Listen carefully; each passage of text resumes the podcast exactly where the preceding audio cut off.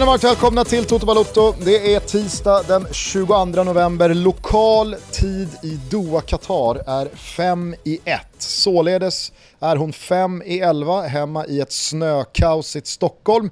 Och vi är alltså bara minuter bort från det att Argentina och Lionel Messi kliver in i turneringen mot Saudiarabien. Vad gör det med Wilbur José? Någonting gör det mig, för att uh, ju längre vi har närmat oss de här premiärerna och uh, alltså, desto fler avsnitt vi har släppt i Tutski Balutski, desto mer Argentina-feeling för varje, varje sekund har jag fått. Så nu uh, hoppas jag på lite svar, även om det är svagt motstånd i Saudiarabien. men å andra sidan ska ju också sägas att Saudiarabien är ju förmodligen det bästa asiatiska laget och då räknar jag även in Australien sett till hur de har spelat. Det är någonting som vi har lärt oss att säga när vi har gjort eh, eh, Tutski-avsnitten. Så något slags motstånd, något slags svar lär vi få. Fan, alltså jag känner mig helt upprymd för att jag ska få prata fotboll. Va? ja, jag, jag, jag har ju så, sett jävla dig där peppad nere. på, på, Så jävla peppad på att få snacka, snacka boll här en timme. Ja, exakt. vad kul Va, det ska bli. När du är där nere i Qatar, eh, här när nationalsångerna rullar eh, på någon slags all-arena i, i Qatar. Eh, hur, hur är livet? Kan man få en liten eh, eh lägesrapport liksom, eh, bakom kulisserna? Hur funkar saker? Organisation, boende? Träffar du något folk? Hur är stämningen?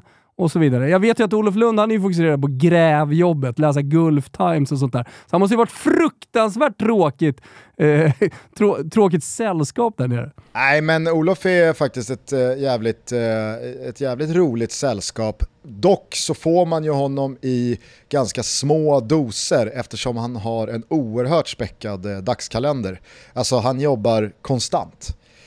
Så, så det blir liksom lite andningshål här och där där man hinner briefa varandra, man hinner prata lite, men sen så ska han iväg på nästa intervju och han ska på nästa presskonferens och han ska göra någon eh, podd och han ska göra Efter fem och han ska göra Nyhetsmorgon någon och han ska göra podd ingen och han ska på. göra Fotbollsmorgon. Ah, jag, jag kan faktiskt rekommendera varmt eh, senaste avsnittet här med Lasse Granqvist. Det blev väl en enkel lokal lösning för honom, tacksamt när han har varit iväg här en dryg vecka eh, i Qatar, att eh, Lasse Granqvist kunde gästa podden. Men det var faktiskt ett, eh, ett, ett, ett bra avsnitt eh, för alla som gillar Lasse Granqvist, för alla som gillar ja, men, eh, fotbollsjournalistik och eh, hur, en, hur en av våra största eh, kommentatorer eh, tänker och resonerar och känner och tycker. Eh, så att, eh, det avsnittet tycker jag att man ska lyssna in på. Nej men det, det är faktiskt eh, imponerande att eh, följa Olofs arbetsdagar eh, IRL, in action. Det är en jävla körning. Det ska jag säga, det är det också på Lasse, men framförallt Backe. Alltså jag, jag, tror inte folk förstår hur mycket han förbereder sig för matcherna han gör. Ja, men vi pratade ju om det eh, någon gång i Toto. I och med att vi hade kontakt med, med Backe och jobbade tillsammans med Backe kring 2014, eller precis efter 2014 när du och jag fortfarande var på Discovery. Och han berättade hur han hade förberett sig inför VM 2014. Eh, och, uh, han, han, hade då alltså lagt ett halvår tillsammans med en av honom själv uh, betalad uh, videoredigerare för att sedan då spe, spara ner alla analyser på CD-ROM-skivor så han enkelt kunde få upp det. Det här, alla kids, var ju trots allt för åtta år sedan. så, så jag menar, CD-ROM-skivorna hade ändå en plats för att göra saker och ting enklare. Eh, och sen så var ju han, han, alltså samma roll som Backe hade på TV4 då, hade ju Erik Hamrén på SVT. Och Expressen gjorde en stor intervju med honom när han låg, i en, här, låg halvlåg i alla fall, i en brassestol nere på Copacabana. och de ställde frågan, jaha, hur har du förberett dig inför det här? Erik Hamrén ska alltid halvligga i en brassestol. Ja, verkligen. hur har du förberett dig inför det här då, Erik? Och han svarar öppen och ärligt och lite glatt att nej, inte speciellt mycket. Jag har inte sett så mycket fotboll senaste tiden. Nu är man ju förbundskapten så det, det, blir inte... man kollar inte lika mycket fotboll nu för tiden. Så här. Mer eller mindre så sa han att jag hade inte någon koll överhuvudtaget. Och så visste man då han att sa att han hade CD-ROM-skivor som han sålde till tre förbundskaptener, alltså tre landslag, köpte hans analyser Eh, betalade säkert dyrt för det också, som han hade gjort då eh, på olika, på, på alla länder egentligen i, eh, i VM 2014. Så när du nu säger till mig att så här, jag, jag tror inte folk förstår hur mycket backen förbereder sig. Jag fattar det ändå. Jag, jag vill dels minnas att Hamrén ändå fick in att han såg Brasiliens senaste landskamp på flyget Just. ner. Så, så var det, exakt så var det. Jag såg Brasiliens senaste Nästan lite nöjt sa han det. Ja, ja, med, med Hamrén-leendet. Här finns det förberedelser innanför västen, det ska ni veta. Jag såg faktiskt Brasiliens senaste landskamp på flyget ner.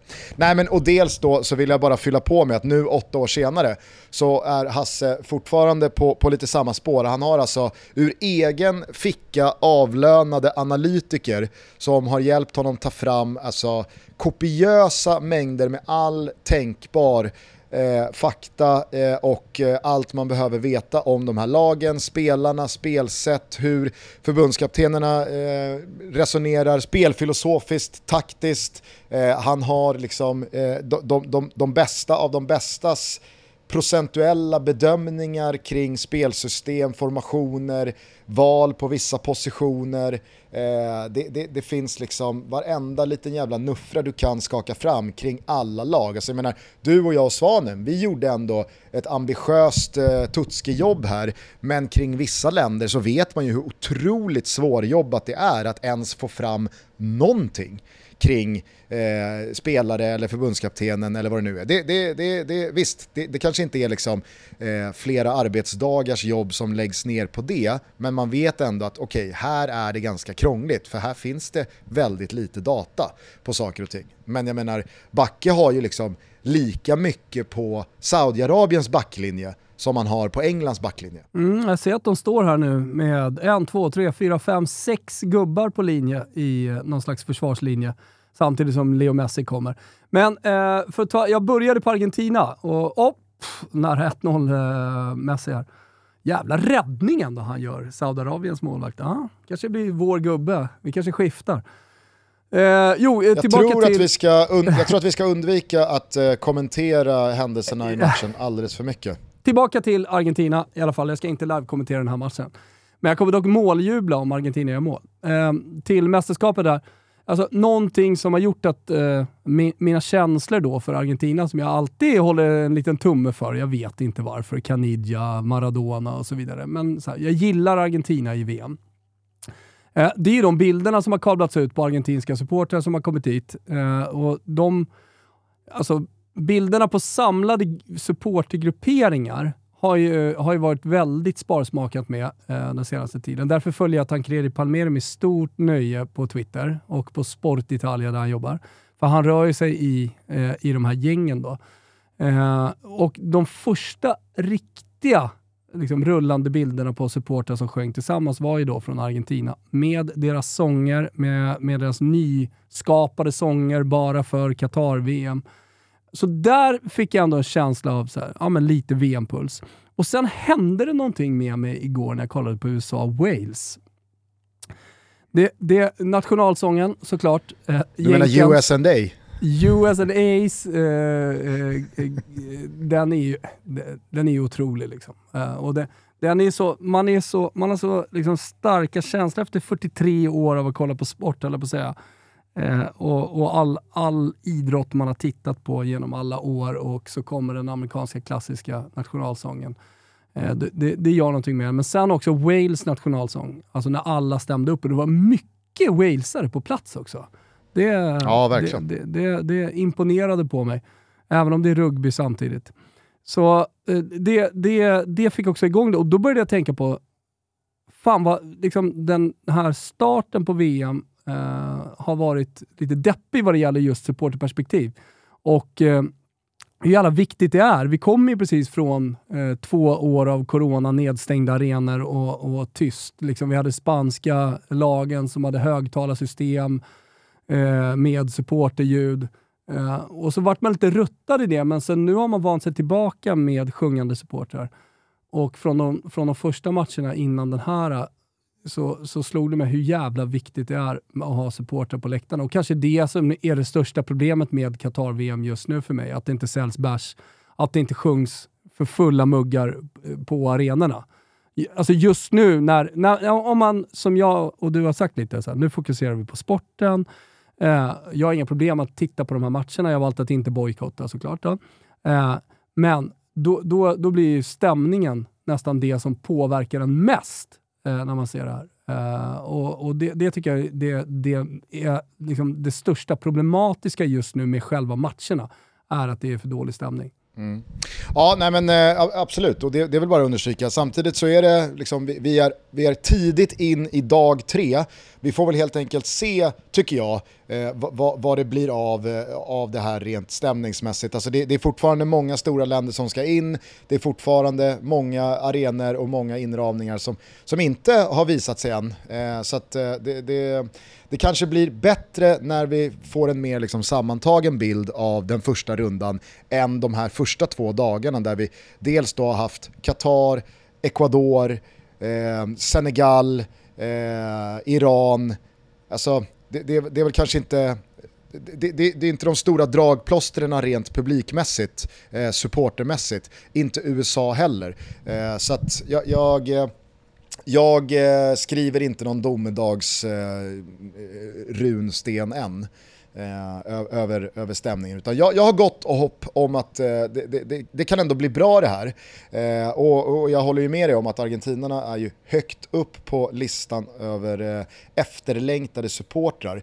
Tycker också någonstans att den här eh, Brasil decim que se siente ramsan, det, är det finaste vi har?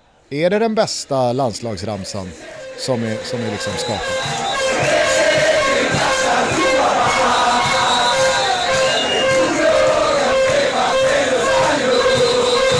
Det kan ha på emot då? Jag tänker det kanske kan ha på emot. Det har ju ändå någonting när britterna liksom går igång med Don't take me home.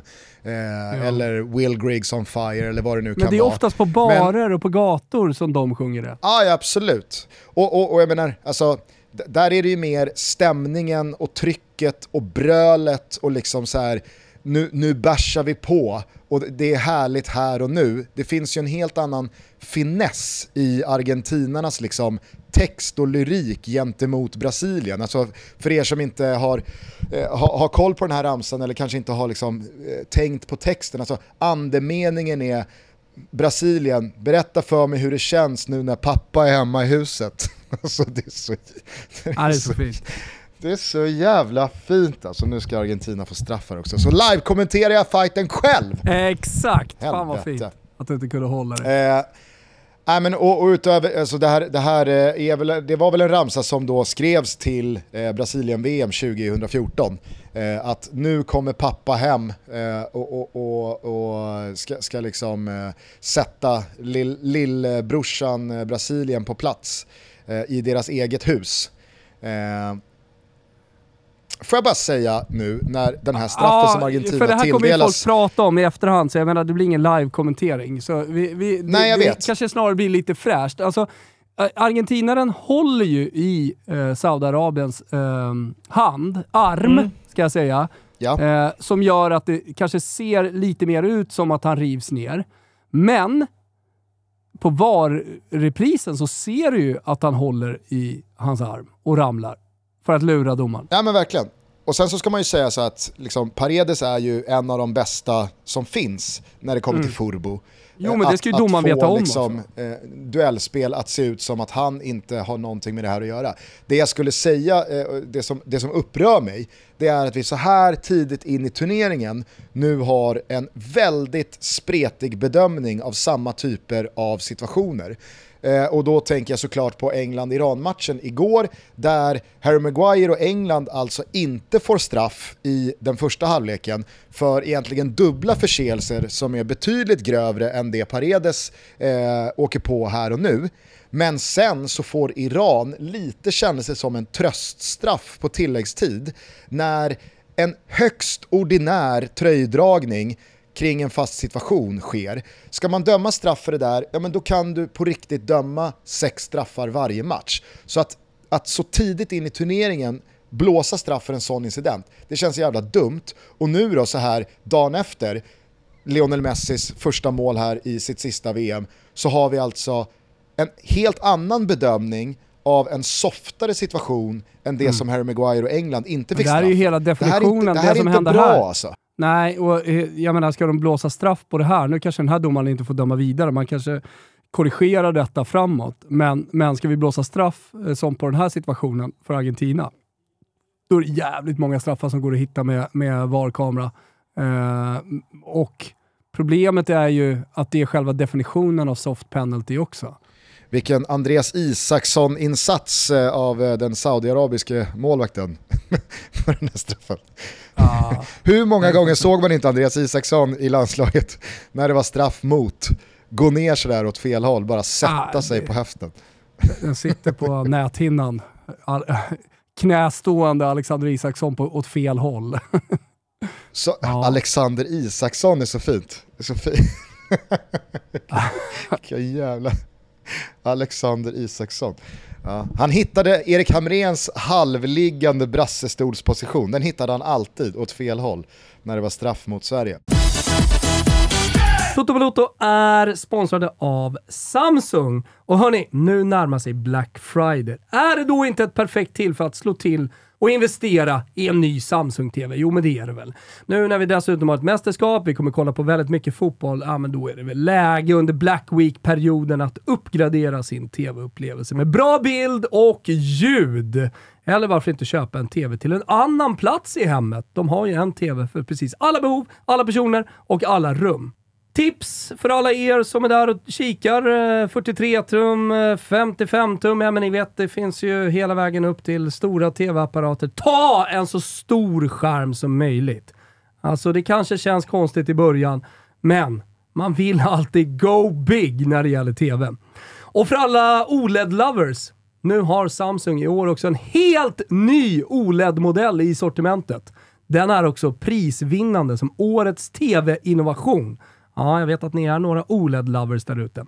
Glöm heller inte att komplettera TVn med bra ljud. En sömlös upplevelse när du kopplar TV och soundbar tillsammans. Det är faktiskt otroligt härligt. Samsung soundbars är exceptionella och dessutom prisvinnande. Surfa in på totobalotto.samsung.se och spana in alla grymma erbjudanden. Vi säger stort tack till Samsung TV.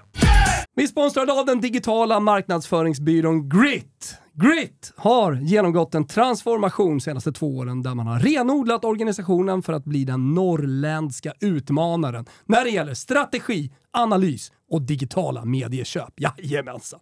Byråklimatet idag har gått mot att alla ska göra allt. Ni vet, det är allt ifrån att bygga hemsidor till Google-annonsering och sen så är man givetvis också bäst på att göra film och sociala medier. Allt ska man vara bäst på. Kan man vara bäst på allt? Det svaret vet ni redan. Grit tillför värde genom analys, insikt och plattformsexpertis.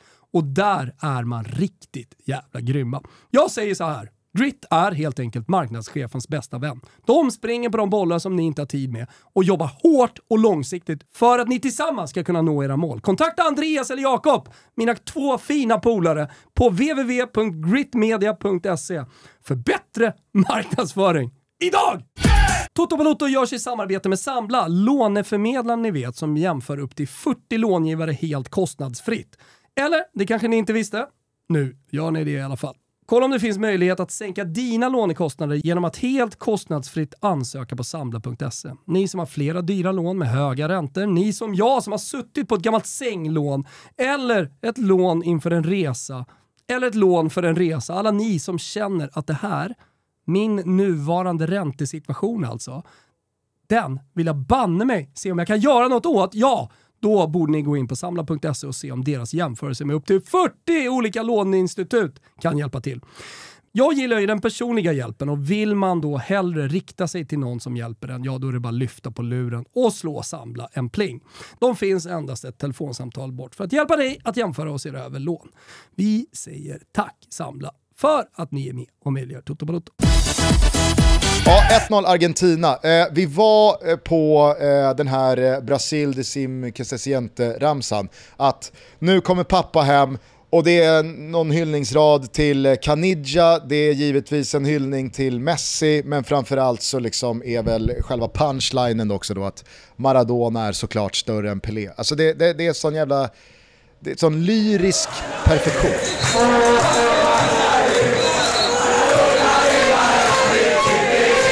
Nej, det är det verkligen. Eh, skönt att Kimpa har lagt in den här också så att vi, vi har fått, eh, fått gunga med den lite samtidigt som Argentina öser på. Jag ber om ursäkt då till alla saudiarabiska supportrar som lyssnar på den här podcasten att vi håller lite på Argentina den här matchen. Inte, inte helt dumma tröjor ska jag säga på, på Saudi. De ändå, jag tycker ändå de har fått till det lite. Ja, verkligen. Eh, nej, men, eh, vi, vi, vi, kan väl släppa eh, det, det supportermässiga och det ramsmässiga. 5 plus till eh, Brasil de Sim ramsan i alla fall. Eh, nu var ju du inne och, och touchade på det, att Saudiarabien kanske är Asiens bästa lag. Det skulle jag säga nog är ett av de sportsliga eh, starkaste intrycken hittills? Du vill ju ha en liten eh, liksom, rapport här nerifrån. Eh, nu, har det inte, nu har det inte varit så mycket bakom kulisserna och hur känslan är när man är på, på arenan och sådär. Du ska, du ska få det. Eh, jag skulle bara säga det att så här eh, några minuter in i VM dag tre så ser jag ju med bävan fram emot nästa VM då alltså de asiatiska lagen ska fördubblas från fyra till åtta efter att ha sett Qatar, de asiatiska mästarna, alltså fullständigt skämma ut sig rent sportsligt måste jag säga mot Ecuador i premiären. Iran, det högst rankade asiatiska laget, igår släppa in sex, det hade kunnat vara tio om England hade tryckt på gasen liksom hela vägen i ja, andra halvlek. Ja, Ecuador hade kunnat vunnit större också. Hade det varit någon målskillnadshistoria i sista matchen och de måste göra fyra så hade de gjort fyra. Sen så kan det absolut vara på sin plats att brasklappa för att Qatar kanske var tagna av stundens allvar och de får en mardrömsstart och de kommer aldrig ur blocken och innan någon hinner säga liksom nu, nu, nu, nu löser vi det här så står det 2-0 och det är kört och publiken börjar lämna. Jag, jag, jag, så här, det, det kanske är en jättestor faktor i en sån usel insats. De har väntat på det i tio år, helt otroligt. De lämnar arenan efter 50 minuter. Ja, nej, det, det, var faktiskt sorgligt att se. Och i Irans fall då, herregud, jag fattar också, och det var ju Carlos Queiroz inne på eh, från presspodiet efter matchen, att det här är en exceptionell situation för de här spelarna, kanske inte främst spelare utan människor, iranier, som också slits mellan liksom, olika viljor, olika läger, eh, jag tror att det är jättesvårt att vara liksom 100% fokuserad eh, när allting som sker i Iran pågår parallellt och folk vill att man ska göra si, folk tycker att man ska göra så och man vet att det är, det är ena jävla insatser utan här handlar det liksom inte om ett eventuellt gult kort eller någon ekonomisk böter utan här kanske det på riktigt handlar om liv och död och det är blod som spills och det är familjer som är i fara. Och jag fattar att det är eh, en, en, en, en enorm eh, faktor i Irans insats här.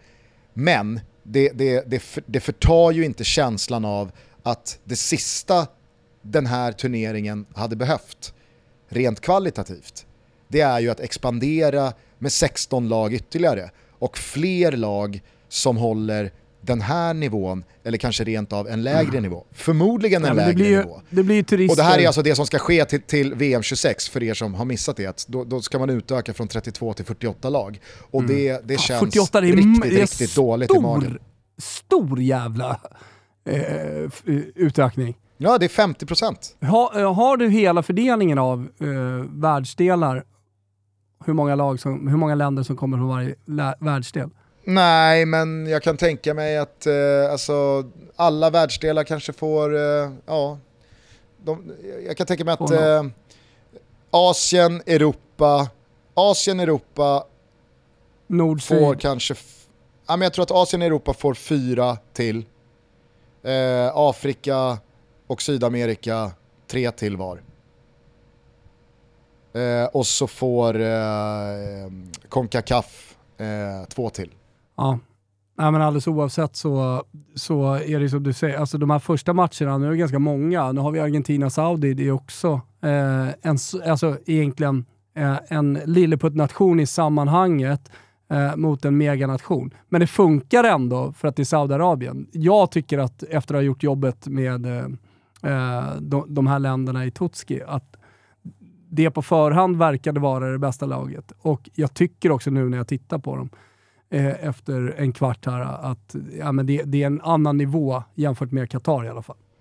Ja, nej, det, det jag vet inte, jag, jag kände mig riktigt brydd kring den här utökningen. Jag tyckte det var, jag tyckte det var bra, jag såg att Johanna Frändén eh, skulle liksom trycka tillbaka herrfotbollen efter att damfotbollen fick den här kritiken i, i somras. Eh, att hur, huruvida det är bra för damfotbollen med de här mer eller mindre liksom, tvåsiffriga eh, segermarginalerna för de bra lagen mot de dåliga lagen. Att det här, inte, det här är liksom inte gynnsamt för damfotbollen i stort. Eh, och när England då igår gjorde ja, 6-1 eller något så, så noterade jag att Johanna Frändén twittrade ut det här. Att är det verkligen bra för, för här fotbollen med de här ah. resultatskillnaderna? Och det är det ju inte. N nej, absolut. Men eh, då, då svarade Olof Lund, eh, tyckte jag väldigt bra, att det, det är just det här som eh, Uefa framförallt har tagit till sig. Eh, och eh, varför man inte vill eh, expandera eh, fotbolls-VM eh, och, och, och, att man har liksom protesterat mot det här gentemot Fifa. För att liksom, 16 lag till, hur, hur, hur, urvattnat blir det då med de här matcherna? Men då när Olof svarade så liksom, jag vet inte, tilltryckande så då, då, då, då skrev Frändén att hon bara skämtade. Ah, okay. ja. Ah. Hur som, eh, du ville ha lite intryck, eh, lite liksom, eh, bakom kulisserna kring själva mästerskapet eller? Ja, för, för man får ju ändå en bild av, eller det har pratats väldigt mycket om, eh, att det är ett VM på en väldigt liten yta eh, ungefär lika stort som Skåne har jag förstått av eh, er grafik och eh, att det just ska vara välorganiserat och så. Men eh, stämmer den bilden? Nej, men jag tror att alltså, eh, det, det, man, det man direkt känner när man tänker att okej, okay, alla åtta arenor är inom en, ett område stort som Skåne, det tar liksom max eh, en timme med, med, med bil till alla arenor från liksom utgångspunkten IBC, alltså International Broadcasting Center, eh, där, där alla mer eller mindre utgår från. Eh, fan vad smidigt att man kan kanske vara på två matcher eh, på en och samma dag. Och, eh, det är jättebra att alla är på samma ställe. Det är ju den direkta känslan. Sen börjar man inse att, fan just det, alla är på samma ställe. Vilket gör att alla mycket människor. mer... det är väldigt mycket människor. Det är alltså ink, publik, all bevakning, all personal, all trafik. Det är, det är helt plötsligt då nya nivåer av möjligheter att alla faktiskt kan röra sig till och från de här matcherna. Det är, och det är väldigt tydligt, arenor, personal, parkeringsplatser, alltså till och med rödljus som nu körs för första gången. Alltså det, det finns noll testkörning här nere utan Alltså, Backe skulle köpa en, en liksom, påse chips. Det var, liksom, det var första gången kassaapparaten användes. Personen som stod bakom kassaapparaten, det var första gången hen tryckte på liksom, eh, knapparna. Eh, så att det, det, är ju, det är väldigt lite som liksom, på förhand är testat, kört och det funkar. Ja, och framförallt så är det ju en, en, liksom en stark prägel av att den här personalen, allt från volontärer till poliser till eh, Fifa-personal eh, till eh, ja, men folk som är på arenan, ingen, alla är, alla är liksom livrädda för att göra fel. Jag vet inte liksom och ingen har mandat. ingen har mandat och alla är liksom skolade i något mindset av att det är bättre att säga nej eller att jag, jag kan inte ta det här beslutet, du måste fråga någon annan, än att någon liksom har koll på bitarna och faktiskt kan ta ett eget beslut. Och det är ju oerhört eh, alltså, tydligt eh, hittills de här dagarna. Så att vi får väl se vart det tar vägen. Jag tycker att vissa bitar börjar falla på plats, men eh, det, det, kommer ju vara, det kommer ju vara väldigt rörigt. Det, det, det syntes väl igår också, alltså många Englandssupportrar hann väl inte in eh, till eh, vare sig nationalsång eller avspark. Eh, det är liksom problem med med biljetter och med insläpp och med QR-koder och kanske framförallt då det jag nämnde, just det här, alltså det, det, är så oerhört mycket personal som bara skjuter frågan vidare vid minsta lilla tveksamhet. Eh, stöter någon på patrull då är det liksom, det, det är åtta personer som ska konsulteras innan någon tar ett beslut och säger ja okay. men gå höger eller ja eller gör si eller gör men, så. Men, men hur är det egentligen med biran? Alltså det är, det är det man vill veta. Hur ligger det till med bärsen? När du kommer tillbaka Nej, till men- hotellet efter en lång arbetsdag eh, och Olof Lund sätter sig där eh, med påsar under ögonen efter intervjun med Lasse Granqvist.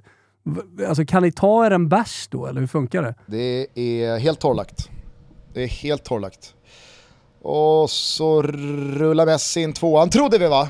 Men Nej, det eh, är var offside. Gusten. Jag ligger ju på lina här. Ja, så ja. jag ligger, du är i Qatar, jag ligger före dig. Det, det, det finns något fräscht i det trots allt. Ja, det hatar du inte. Men, men vadå, inte ens på hotellet? För det har man ju hört, att man kan ändå liksom, ta sig en, en bira på hotellet och sådär. Nej, det går inte. Ja, nej, inte vårt hotell i alla fall. Inte vårt hotell i alla fall.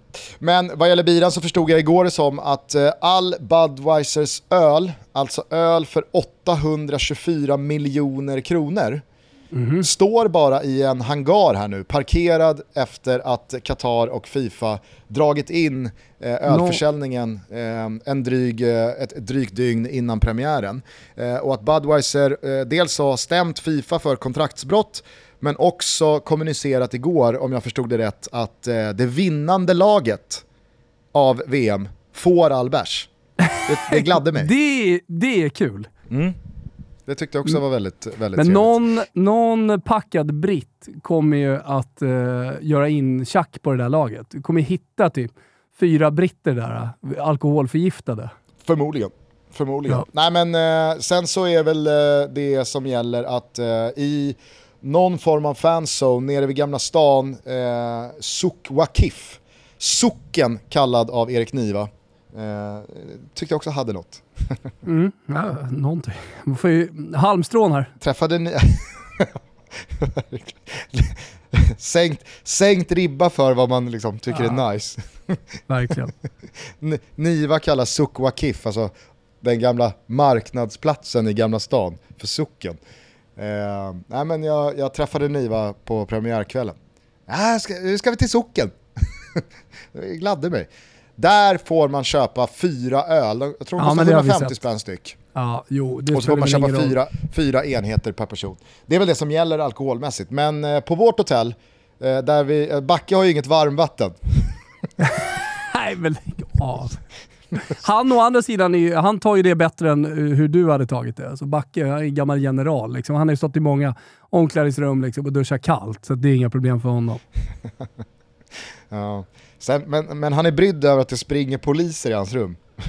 Vad fan vad är, gör de vad är där? den grejen? Jag såg att du skrev det i någon grupp här. Springer omkring poliser i hans rum? Ja, nej men alltså, jag tror fan, alltså så här, den här eh, övervakningen, den, den, den är inte på låtsas. Men hur, har, hur vet han det? Alltså jag såg poliser komma ut ur Backes rum, så jag är, först, jag är Vad tänkte förstahandskälla du här. då? Alltså. Vad tänkte du då? Backe dött eller? RIP Backe? Ja, jag, jag, jag, Dött i sömnen Ja, eller? ja. Nej, vi bor ju vi bor eh, rummen bredvid varandra, vägg i vägg. Eh, så jag, jag stod och skulle in i mitt rum och då ser jag bara, ser jag bara hotellpersonal och polis komma ut ur Backes rum. Då tänkte jag bara, jaha. Och Backe kände inte till det här? Nej, nej, nej, nej. nej Backe, Backe var och lunchade med någon gammal grekisk spelare han hade i Panathinaikos som han sprang på eh, dagen innan. Mycket grekiska gamla spelare på det där spelarhotell, eller på, sp- på hotellet ni befinner er. Du träffar ju också det, Bolton Wonders Finest. Ja, ja visst. Stelios Giannakopoulos, en stor gammal Bolton-hjälte för alla de som eh, kommer ihåg och med värme minns eh, det stjärnbeprydda Bolton Wanderers från eh, 00-talet. Med Såg allt från... ödmjuk ut. Ja, supergod alltså. Jätteödmjuk och alltså, bara det att han bor kvar i Bolton är man Ja. ju oerhört Ja, svag men det, det är en sån här klassiker, alltså att, man, att man bor kvar på platsen. Kurre Hamrin i Florens, eh, du har Nisse Jo, Lidholm. fast då, då, är, då, pratar vi, då pratar vi Florens. Verkligen. Alltså att bo kvar som grek i Bolton, då, då, då ska det fan mycket till alltså känner jag. Ja, då är man hjälte. Men vilket jävla lag det var alltså med Stelios Giannakopoulos, JJ Okocha, eh, Ivan Campo, eh, Kevin Davis, Kevin Nolan. Alltså fan, drömgäng alltså. Drömgäng. Toto Balotto är sponsrade av MQ Market och eh, ni kanske vet det vid det här eh, laget, annars så berättar jag det nu. Sveriges största varumärkeskedja som erbjudit stil och klass sedan 1957. De har kläder för både herr och dam, även accessoarer från svenska, men också internationella varumärken. MQ är otroliga. Nu eh, börjar vi närma oss vintern och då är det säkert många som kanske vill önska sig någonting eller man eh, vill köpa någonting fint till sig själv. Och då har de ju stickat, snyggt, jackor och allt det där, men de har också kläder för vinterns alla festliga stunder. Det är fokus eh, på svart, vitt och mörkblått. Det kan man ju kombinera tillsammans och jag gillar ju att kombinera till exempel marinblått, lite mörkare, eller svart för den delen, men framförallt marinblått, med det vita. Kanske en benvit polo så slänger man på sig en eh, snygg eh, kavaj som, eh, som passar. Då kan man också gå från mindre dressat till dressat på väldigt kort tid när man slänger på sig den där kavajen. Det är ett tips i alla fall. Tänker det stundar ju trots allt ett nyårsafton och det kanske är många som har gått och tänkt på att man ska skaffa sig en smoking någon gång eller lite nya snygga skjortor till kostymerna. Allt detta är byggstenar i kollektionen som finns på MQ som alla borde ha. Varumärken som eh, jag vill lyfta, Bläck och Dobber. Otroligt eh, schyssta kläder eh, som jag gärna bär själv. Och är man osäker på till exempel när man ska skaffa sig en kostym på vilka man ska ta, men då ska man kolla upp kostymguiden på mq.se så får du hjälp. De erbjuder också MQ alltså skrädderi, sneakers, tvätt, personal shopper och second hand. Gå in på mq.se eller i någon av deras fantastiska butiker. Vi säger stort tack till MQ för att ni gör så snygga kläder. Toto Balotto är sponsrade av Tre och vi tycker gemensamt att det här samarbetet är väldigt trevligt. Och de gillar ju att spegla oss i oss eh, som är riktiga Tre-kunder och det blir både trovärdigt och ärligt. Tre vill helt enkelt att det ska vara trevligt. Och eh, eftersom vi är trevliga och de är trevliga så vill vi bjussa på någonting i den här spotten som vi gillar extra mycket. Och jag har valt ut ett avsnitt ur Never Forget, en del av den, eh, som kan vara lite så här härlig lyssning mitt i Toto Balotto. För i en värld som så smått börjat återgå till det normala efter andra världskriget skulle det 1950 spelas det fjärde världsmästerskapet i fotboll. Och under en stekande månad i Brasilien skulle Kalle Svensson bli Rio-Kalle i Sao Paulo, hemmanationen chockas djupt och England få en första smak av många kommande mästerskapsdebacle. Vi ska nu berätta historien om det lite bortglömda VM 1950. Ja, den här spotten handlade inte så mycket om Tres produkter, men det var trevligt att vi i flexibilitetens tecken fick göra precis som vi ville. Tack Tre! Vi är sponsrade av Flowlife. Jajamensan, de är tillbaka. Ni kanske minns dem, de har varit med i Toto Balotto många gånger. De som är bäst, tycker vi, på återhämtning och massage. Vi pratar återhämtning och massage i världsklass för alla med deras marknadsledande produkter.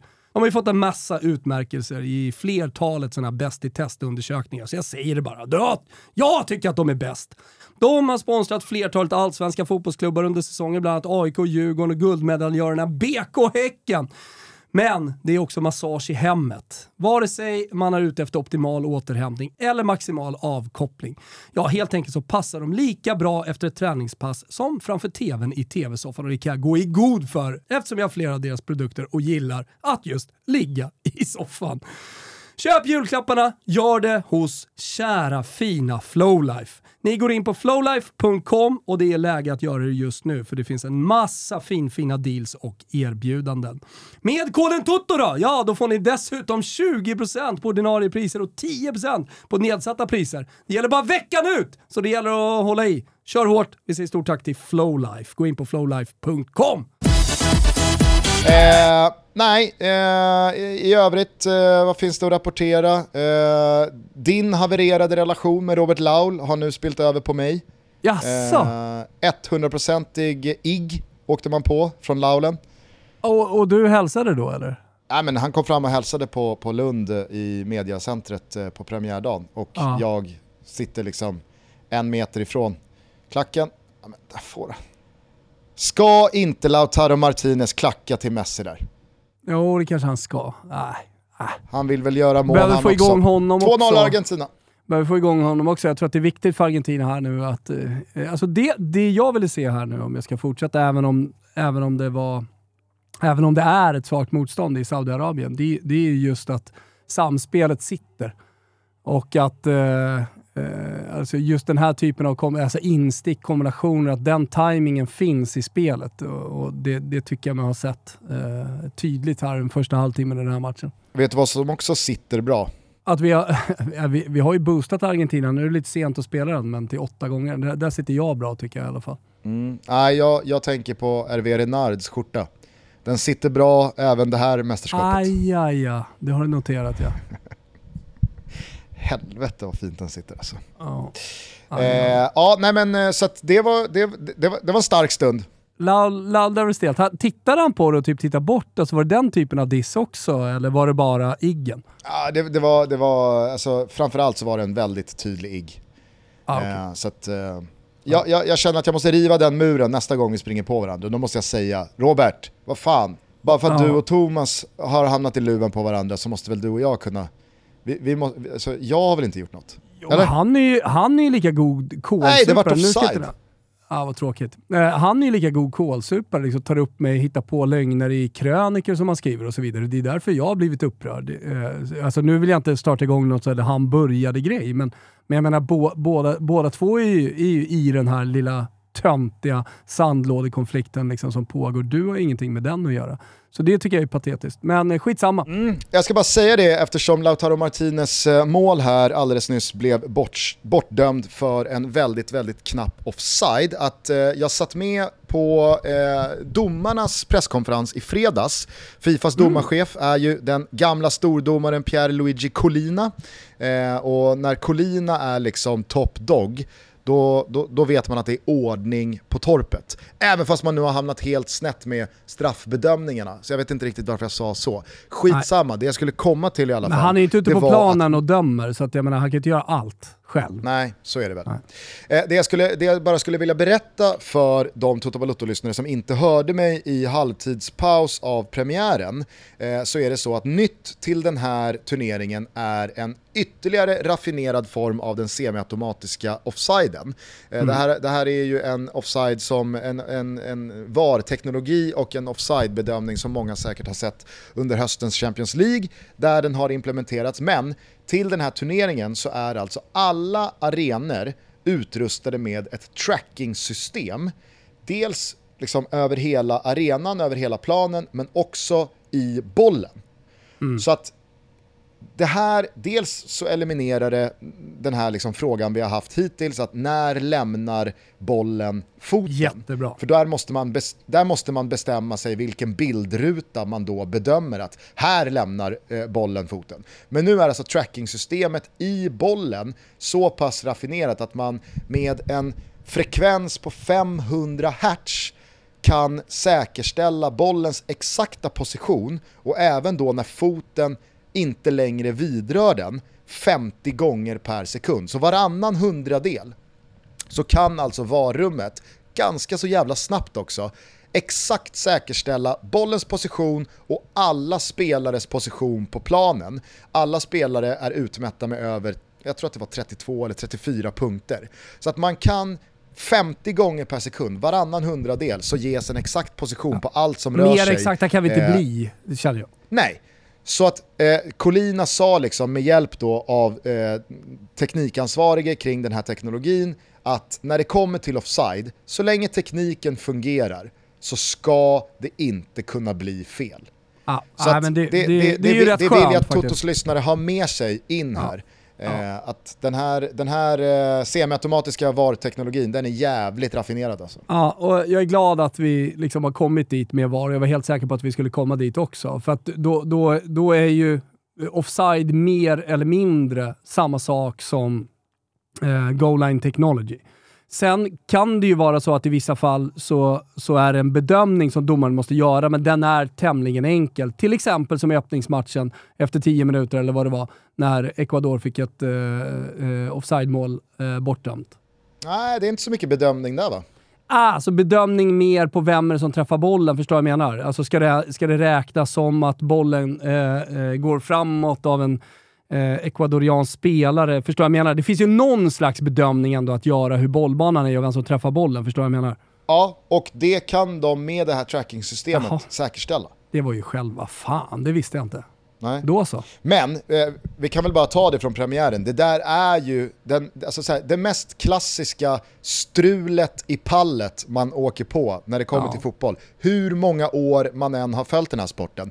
När målvakten lämnar liksom, sista position Jo, och det, är, det finns en offensiv spelare nedanför målvakten men man ser en försvarsspelare tydligt Ja. nedanför den offensiva spelaren. Det, det spelar ingen roll hur många år man har varit med i gamet. Den instinktiva reaktionen är, men det där är inte offside. Det, det slår liksom aldrig fel. så, så är det. Och sen var det ju extremt eh, lustigt, eller om någon tycker olustigt, att det hände just i den här premiären som hade försiggått av, försiggått av rykten att Qatar skulle köpa matchen. Eh, och eh, hem, hemmapremiär och alltihopa. Så det fick ju sociala medier att, att explodera direkt. Ja, Det var, nej, men det var liksom så verkligen. typiskt att, att, att en, sån, en sån situation skulle hända, men också ett bra test då för det här offside-systemet. Eh, att det direkt blev skarpt läge och en väldigt, väldigt, jag ska inte säga knepig situation, men det var ändå en situation för ehm, eh, var, eh, varummet, att, eh, eller teknologin att, att hantera. Ja, verkligen. Eh, och jag, jag tycker också att det, det, det blev dels bra för eh, VAR-teknologin här, den semiautomatiska offsiden, att de får gå in och visa att nej, men, vi har koll på bitarna, det är lugnt. Men framförallt att det inte påverkade något, eh, något utfall av, eh, eh, av matchen utan att det kommer ett ganska tidigt Ecuador-mål ändå efter det här. Eh, och att Ecuador går, i, går ifrån till rättvisa 2-0. Jag, jag säger inte att liksom så här, en offside inte skulle dömts som en offside, men för, som du är inne på, liksom känslan och eh, hur det lät och hur folk liksom uttryckte sig, att det inte fick större fäste och grogrund. Det, det tyckte jag kändes väldigt skönt. Ja, absolut. Nej men så är det. Fan hur många offside-mål Eh. ska Argentina göra? Tre, fyra stycken tror jag. Varav ett par är ändå tight offsiders. Den på Lautaro Martinez nu, det senaste de gjorde var, var väl någon meter. Men fan, de är så jävla mycket snabbare. Kan de inte bara stå en halv meter onside istället? Jag tänker bara, eh, eftersom vi, vi, vi har fan varit igång i 45 minuter här, att jag, jag vill ändå bara liksom kort i lite kronologisk ordning höra dina tankar, bara rent sportsligt eh, kring de matcher som hittills spelats. Det är ju fyra stycken. Eh, jag tycker inte vi behöver prata så mycket eh, om, om Argentina-matcherna som vi följer live. Eh, men men eh, är, är det någonting annat som vi inte redan nämnt från premiärmatchen som, eh, som du har bu- burit med dig sedan dess? Ja, men jag, tycker, jag tycker ändå att USA-Wales var kanske den mest intressanta matchen av flera anledningar. Jaha, nu, nu, frågade, nu frågade jag, jag, jag frågade om Qatar-Ecuador. jag tror Kanada kan göra något här faktiskt. Jaha, helt otroligt. Jag hörde inte att du sa den matchen. Men jag, ty jag tycker inte det finns så jävla mycket mer att säga där. Alltså förutom att Vad drar du för växlar på Ecuador? Nej, men jag drar växlar på att det är ett ganska fint eh, landslag. Förväntat tydligt bättre än Qatar och, och att Ener Valencia har fått den perfekta starten så att de kan faktiskt gå vidare från den här, eller klart de kan gå vidare från den här gruppen. Hallå, eh, Captain Obvious. Men, eh, att, ja, men de, de, kommer göra, de kommer göra ett bra gruppspel, det är jag helt övertygad om. Och det är så jävla viktigt för ett sånt litet land att få igång sin stora stjärna. Så att det, det är väl det jag tar med mig eh, från den matchen. Jag skulle bara säga det från, från gårdagen och måndagen. Så var det alltså, framförallt Wales, USA som jag tog med mig eh, och lite eh, kopplat till det Tutski-avsnittet vi gjorde också. Att det är ett väldigt ungt landslag i USA. Såg jättefin ut i den första halvleken. Drog ganska stora växlar. Tänkte på det här, eh, den här sittningen tillsammans med dig att jag, jag skulle uppa USA. Men sen så såg man den stora naiviteten också i USA. Man såg också svagheterna. Men han heter den här backen med som ser sådär oskönt jänkig ut med, med tofs som drog, tog ett gult kort och sen orsakade straffen. Reeve, typ. Zimmerman? Zimmer, Zimmerman? Nej, det var, vad, var det Zimmerman som orsakade straffen? Jag tror att det var Zimmerman som orsakade straffen va? Och, men jag tror att du tänker på Ream. Ja, exakt. Eh, jag, jag kan Tim blanda Ream. ihop de två i de olika situationerna, men vi kan också baka, baka ihop de två och dra, dra dem under samma kam. För det, det, det är där USA inte kommer hålla. Jätteroligt landslag. Eh, jag tyckte att de gjorde en eh, jättebra första halvlek. Man såg också spets med Wea och, och eh, gubbarna framåt. Bra mittfält som vi har pratat om med MMNA eh, som huserar där. Så det, det fanns väldigt mycket positivt som jag tog med mig från den första halvleken och tänkte fan det här kanske är något ändå. De, de, de kanske kanske kan göra någonting i det här mästerskapet. Men sen så såg man då eh, den otroliga naiviteten i, i, i, i USA och när de tappade, när, när Wales ändå började komma upp lite, när, fast, när ja, men, hittade några hörnor, några fasta situationer att det där håller inte. Det, det, det är gjort av pappmaché, liksom, USAs landslag. Eh, och Jag tyckte också att det var roligt att det var en amerikansk expert som hade sagt i TV att så här, visst, ni tycker att vi har ett ungt landslag, att det är ett oerfarent landslag. Eh, och, och, att det är vårt problem, spelarnas eh, eh oerfarenhet. Men eh, där han då var inne på att nej, det, det, det, det är Greg som, har, som, är, som är den som har minst erfarenhet från att spela på den här stora scenen. Och det är därför också USA förlorar den här matchen. Han får inte upp det i andra halvleken. Han lyckas inte försvara den där ledningen. Och USA blir naivt på grund, på grund av honom. Ja, kanske. Eh, å andra sidan så måste jag ju säga att det var ju ett, eh, alltså, ett enormt skifte i, i matchbild och hur eh, alla liksom, eh, referenser svängde med alltså, inhoppet av Kiefer Moore. Jag förstår faktiskt inte eh, vad, vad eh, Robert Page gjorde från början. Varför, varför spelar man inte med Kiefer Moore från början när alltså, USAs stora, stora akilleshäl är det där mittbacksparet? Eh, de, de, de de sattes ju aldrig på några prov i den första halvleken och så fort Kiefer Moore kom in och började liksom stöka runt där mellan dem och satte dem i arbete. Då var ju USA tvungna att liksom, alltså de, de trycktes ju ner och så blev de kvar där eh, hela, eh, hela återstoden av matchen. Men jag vet inte, jag, jag, jag tycker, tycker det är liksom en, jag tycker att det är en enkel utväg att då bara liksom slasha Greg Beerholter. Alltså det är väl inte så konstigt att i en måste-match för Wales, där man ligger under, Jo men Gusten, de, de måste ju flytta fram positionerna och trycka leder på. Med, jo men i andra halvlek när man leder med 1-0 så går man stenhårt i eh, kontringarna för att släcka den där matchen.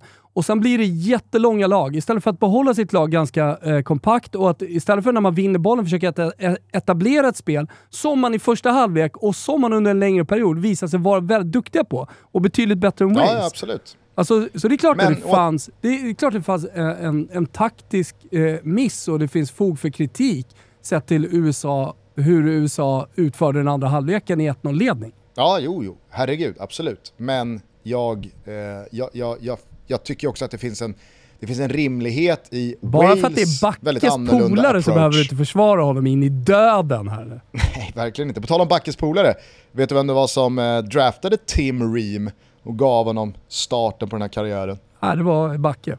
Nej, det var Backe. Mm. Han kanske ska ta sig ett litet surr med honom då, hur, hur, hur, han, ska, hur han ska agera i 1-0-ledning med 30 minuter kvar. Jag, eh, jag gillade Jonas Musas eh, insats som fan i, eh, i USA. Jag, jag tyckte han var, han var riktigt, riktigt bra. Verkligen. Men Sen så, alltså, och, och, det tyckte jag, jag tycker, jag tycker alltid är kul med, med, med eh, just de första matcherna i ett VM. För man har spekulerat så mycket i, i laguppställningarna. Så jag menar, ta bara Argentina här och nu. Det blev ingen Lisandro Martinez eh, i mittförsvaret. Eh, det, det, blev ingen eh, McAllister, det blev ingen Enzo Fernandes. Eh, alltså så här, där Eh, läser man in en, en första startelva, vilka är bra, vilka cementerar sin plats, vilka kommer bytas ut här nu i andra halvlek och vilka inhopp stärker sin aktie. Igår, jag fattade ingenting av, av eh, alltså, dels vilka spelare som van Gaal till slut stekte i sin slutgiltiga holländska trupp. Eh, kanske framförallt då Gravenbergs, eh, det var eh, Daniel Malen fick flytta på sig. Ja, men och, så, och så startar man med Vincent Jansen, var ju hädisk hädiskt dålig i en timme. Utbytt. Han kommer inte, alltså, han kom inte starta igen. Eh, och, och vad gäller USA så tycker jag, jag, jag, förvånat, jag, jag, var oerhört förvånad över att Brandon Aronson inte startade.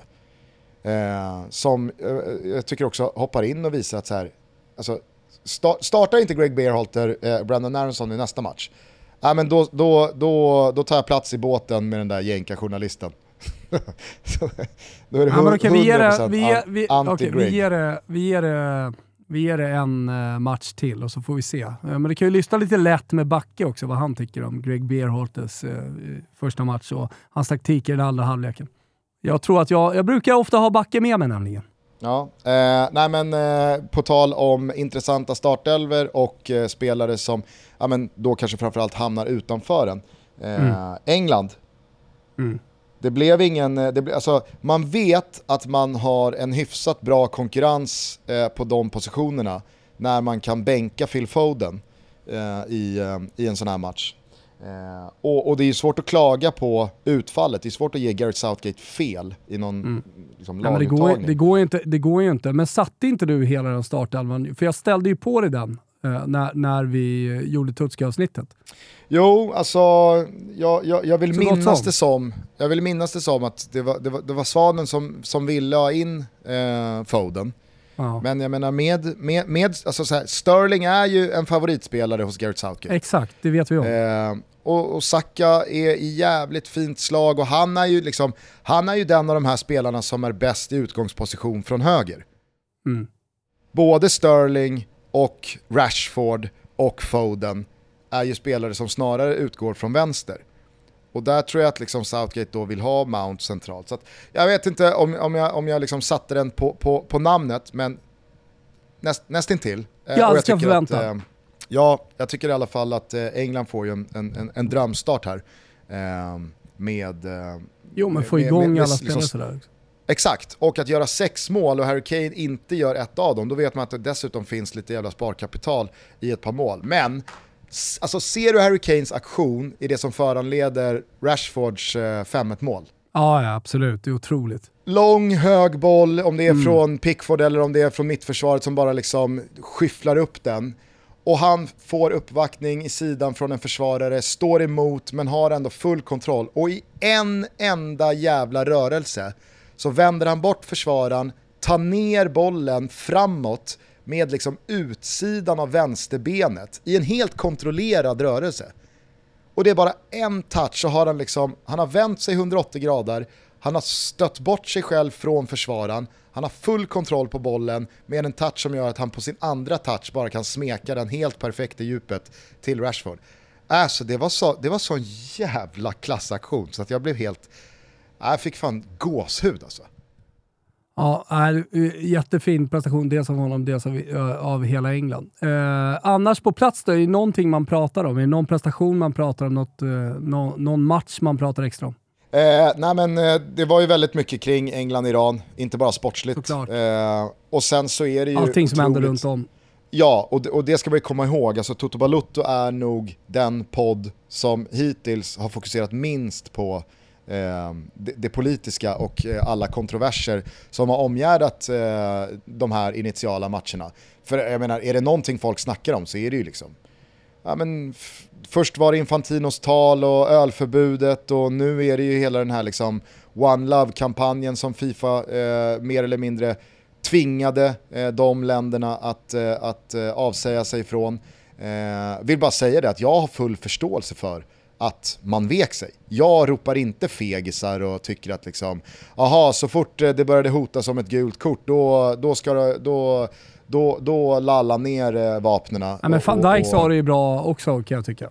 Alltså de måste, ja, men, de, de, måste ju förhålla sig till vilka de är såklart också. Och vad, vad, ja, ja. vad, vad de gör där. Sen, kan, sen är det jättemodigt eh, med de som, de som står upp och eh, alltså, ta Irans landslag som inte sjunger på nationalsången och, och folk gråter på läktarna och att, att man tillsammans sluter upp eh, för det som pågår, vidrigheterna som pågår i Iran. Det, det, det är otroligt, men en symbolisk handling är också en symbolisk handling. Eh, och eh, tar van Dijk det där gula kortet, ja men då är han borta i, i, i en match förmodligen relativt snart. Ja, och, och jag menar, alltså så här, här är ju den tydliga skillnaden att Fifa går in och hotar dem att interfera med de sportsliga förutsättningarna. Och jag tycker det är så jävla fel och fegt av Fifa. Alltså, det har ju aldrig skett förut. Alltså, så här, jag har aldrig jag, jag, jag, kan inte erinra mig om att det någon gång har skett att så här, okej okay, gör det här, men då får ni en sportslig bestraffning. Mm. Alltså på planen. Sen, sen, så kan man ju, sen så kan man mm. bli av med poäng eller man kan tilldömas en förlust eller vad det nu kan vara vid skrivbordet i efterhand när någon disciplinnämnd eller någon tävlingskommitté har sagt sitt. Det har man ju varit med om förut. Men att på planen säga, ni får gult kort där, att man går in, att man går in och fuckar med liksom förutsättningarna för de båda lagen. Det är så mm. jävla fel alltså. Men jag tänkte, jag tänkte säga det, i och med att det är en symbolisk handling, eh, då vill man ju visa någonting. Eh, och, och sen så att många reagerar, många sluter upp. Eller hur? Det är det man sta startar med. med det, det, var det syftet med eh, lagkaptensbinden då. Men Exakt. alltså det är nästan så att det blir ännu starkare nu om ingen hade sagt något, om Fifa inte hade sagt något. Och så hade man burit den här och det hade varit vackert, eh, det var en tydlig symbol, men man hade kanske inte pratat så mycket om det. Det som har hänt nu, när hon, eh, brittiska journalisten, bär den under intervjuer, Eh, när, när, det har blivit en sån stor grej som du säger, det dels är på plats bland alla journalister, alltså här hemma i Sverige, jag kan tänka mig alla eh, länder, demokratiska länder i alla fall, eh, så är det här liksom en huvudnyhet. Det har varit en huvudnyhet de senaste 24 timmarna. Ja men då blir ju den ja, det symboliska... blir kontraproduktivt. Ja men exakt. Alltså, det symboliska värdet blir nästan ännu större nu. Om man sluter, mm. sluter upp sig med hon brittiska journalisten och står bakom henne. Eh, och man pratar om det, eh, den här binden ännu mer än vad man har gjort om man inte hade sagt någonting. Så det blir nästan så eh, eh att Qatar i det här fallet då, som ändå är, eh, även om, alltså, ihop med Fifa ska sägas, eh, mm. ville, ville, ville då markera så, så blir den symbol, det symboliska värdet av att de inte får blir nästan större än eh, den initiala tänkta handlingen. Ja, dels det och sen så adresseras ju Fifa och Qatars inskränkthet ännu mer än vad det hade gjort Exakt. Eh, ifall de bara hade fått bära bindlarna från början, utan någon snack liksom. Så i slutändan så är det vi som har vunnit. Ha! Ja, exakt. Sen så vill jag bara liksom föra till protokollet att alltså så här, jag förstår de som tycker att Harry Kane eller van Dijk eller Bale eller vem det nu är skulle ha stått upp och, och burit binden och tagit ett kort ändå. Eller kalla dem feg. Så, så kan man också tycka, man kan tycka olika här. Men jag, jag känner i alla fall att jag förstår att Harry Kane och van Dijk och Gareth Bale inte vill riskera att bli utvisad på ett gult kort eller att vid ett gult kort i nästa match bli avstängd en match. För de är här för att liksom, gå så långt som möjligt i en turnering som väldigt många spelare i det där laget har drömt om att få spela en gång i livet och faktiskt har chansen här att göra någonting stort i. Då måste man förstå att liksom, ekonomisk, ekonomiska böter är en sak.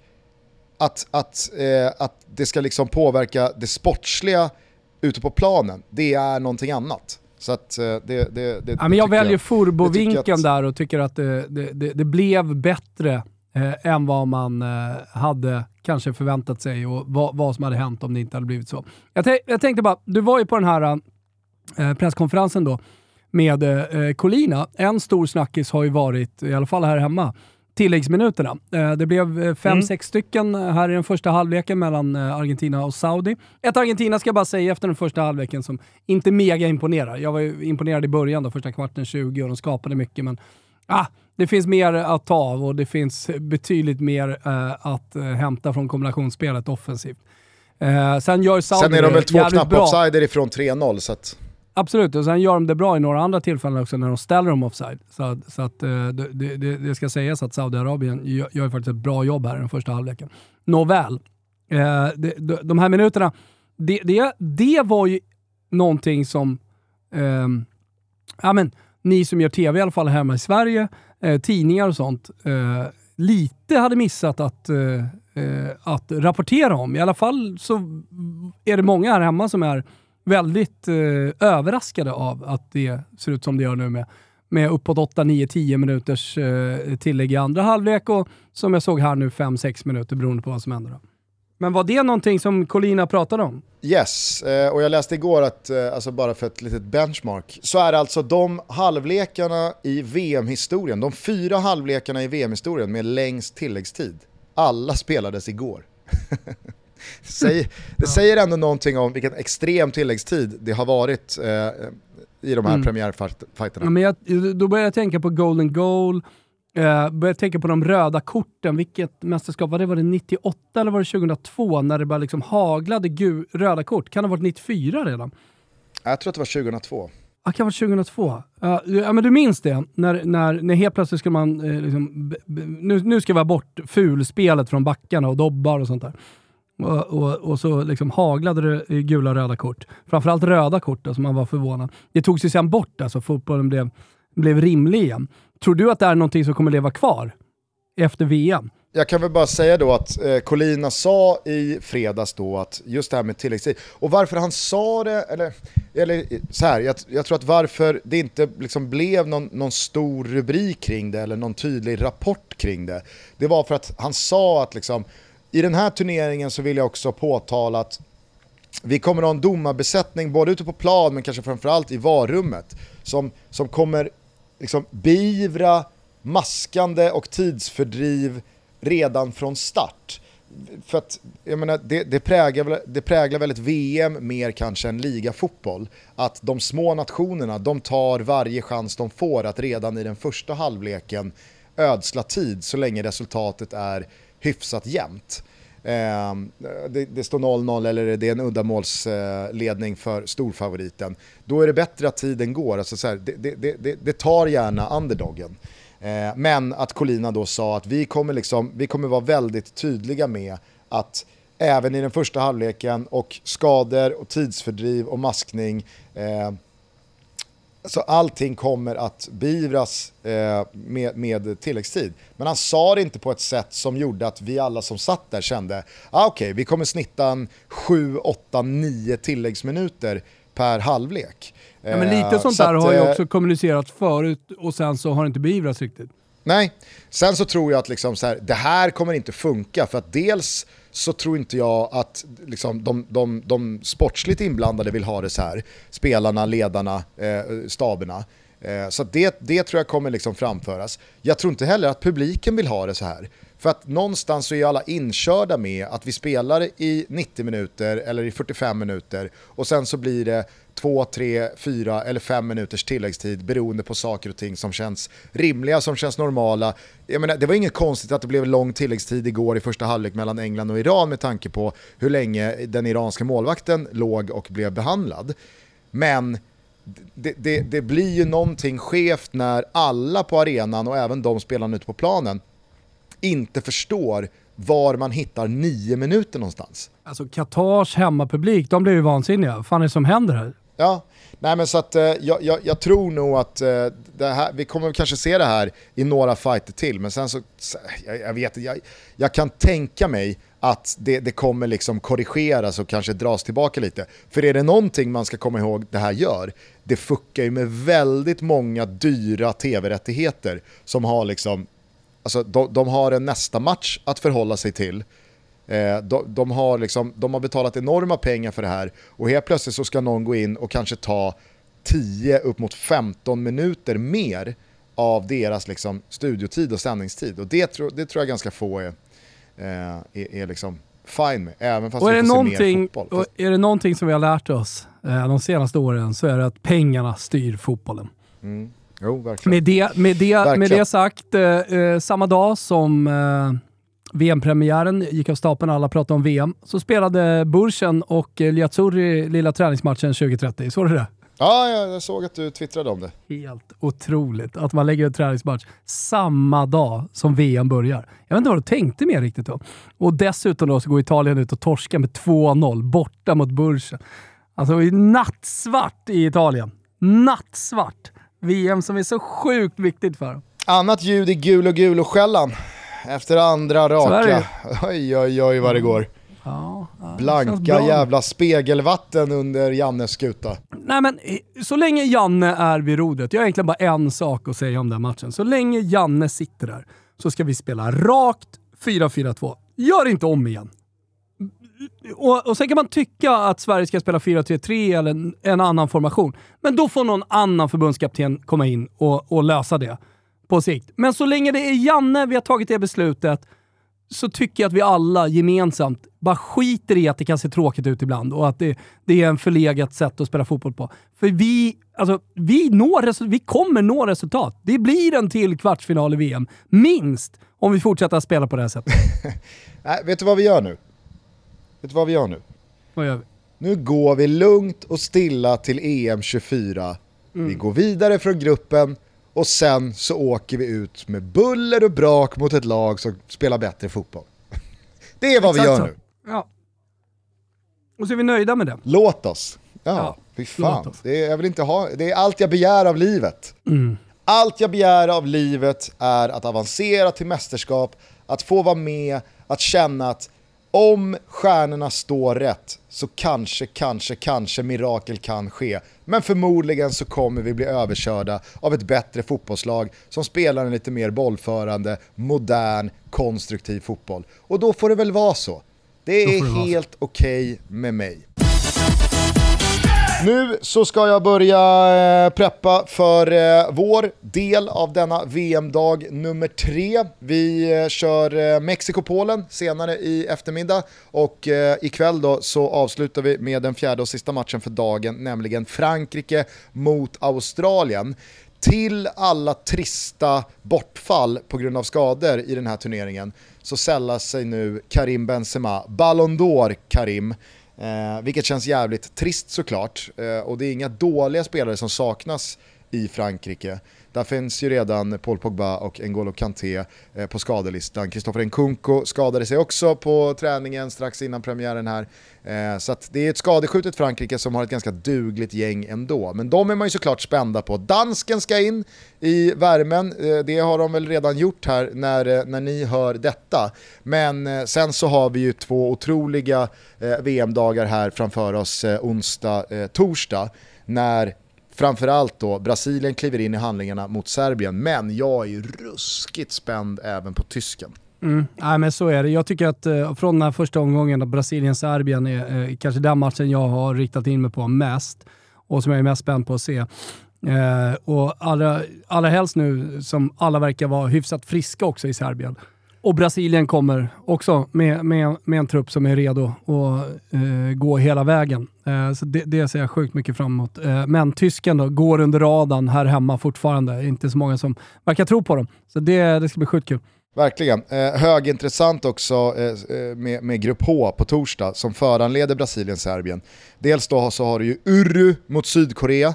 Eh, uh, Uru är ju min uh, lilla dark horse, uh, om nu inte Tyskland kan räknas som det. Ah, ja, nej men Uru, Uru är dun, dunderfina. Eh, och så Portugal-Ghana då, hur det ska gå för Cristiano Ronaldo. Eh, det ska bli jävligt intressant det också. Så att, eh, nej, men det, det, känns otroligt skönt att fotbollen är igång, jag måste säga det. Eh, det, det. Det har verkligen präglat min magkänsla, att efter premiärdagen där i söndags kunna liksom lägga allt med med den bakom sig eh, vad gäller liksom eh, det, det, politiska, alla kontroverser, build-upen till det här mästerskapet. Jag menar, jag, jag gör en ganska ny roll eh, i det här mästerskapet för mig. Det blir väldigt mycket liksom prat om, om, om andra saker än fotboll och det jag kanske är mest bekväm kring. Eh, och, och, det, är ju, det, är ju, det är ju lärorikt, intressant och, och, och såklart kul att testa nya vingar också.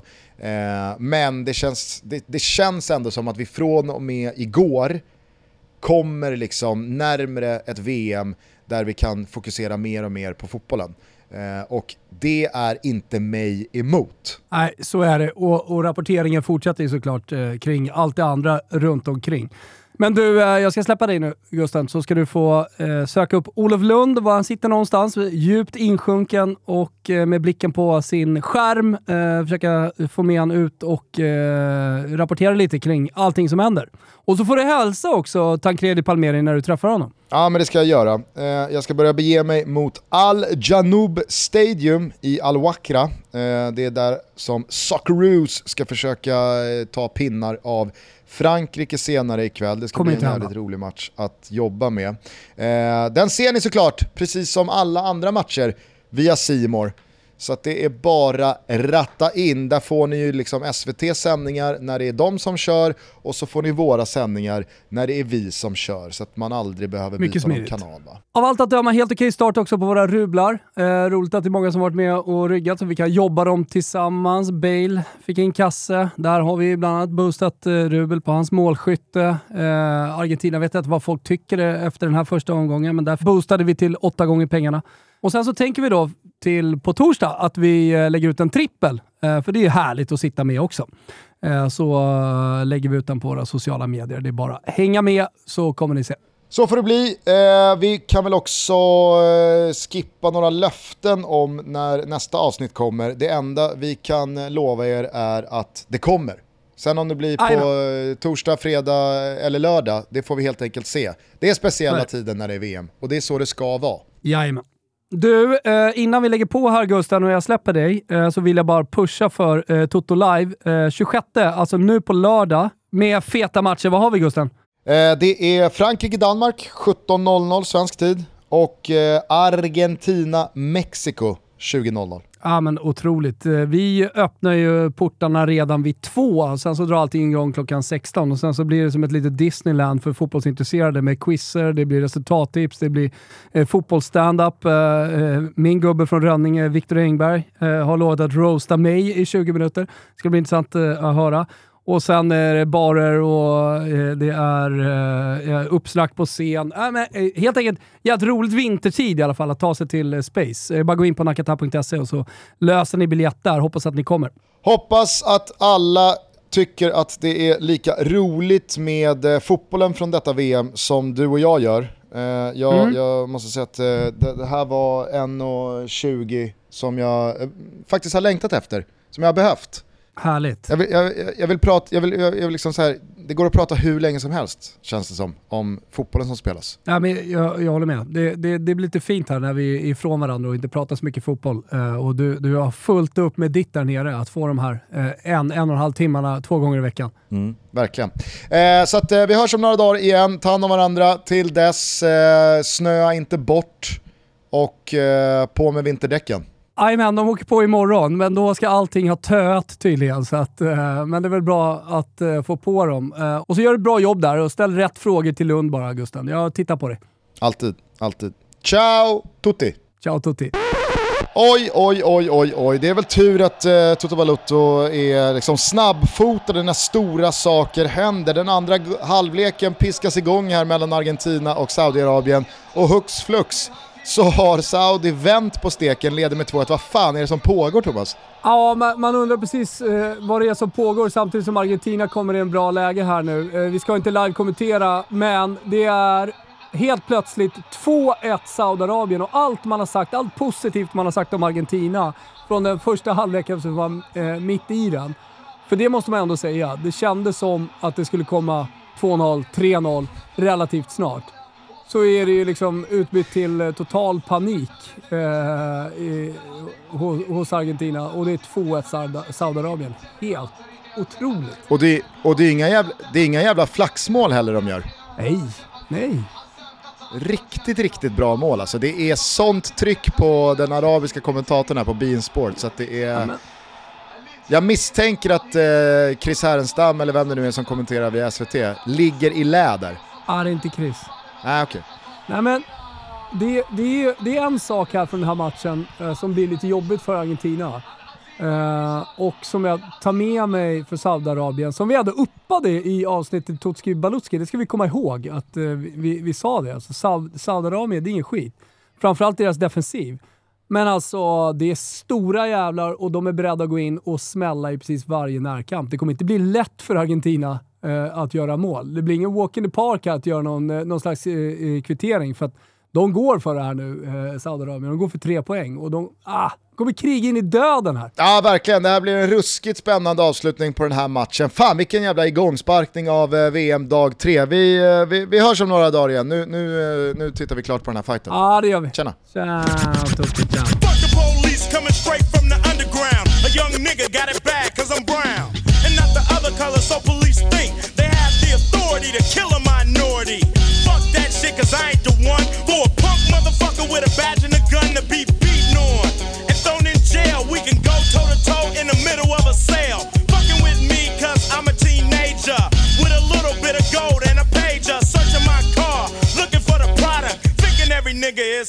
narcotics. You rather see me in the pen than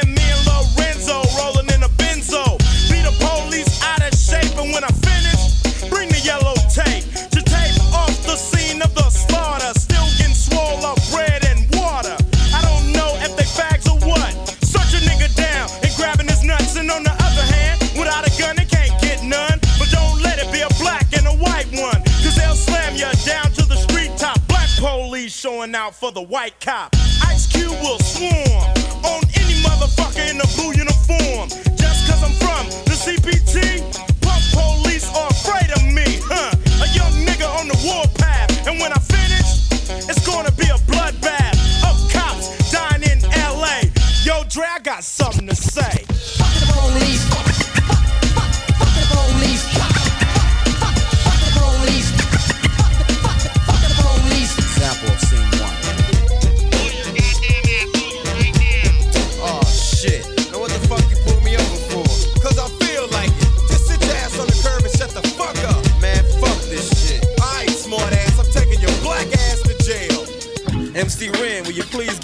testimony to the jury about this fucked up incident? Fuck the police and Ren said it with authority. Because the niggas on the street is a majority of gang.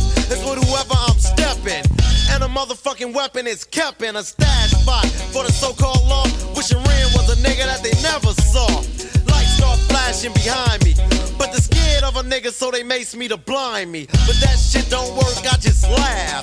Because it gives them a hint not to step in my path. For police, I'm saying, fuck you, and shit, it's all junk. Pulling out a silly club, so you stand with a fake ass badge and a gun in your hand. But take off the gun so you can see what's up, and we'll go at it, punk, and I'ma fuck you up. Think you think I'ma kick your ass, but drop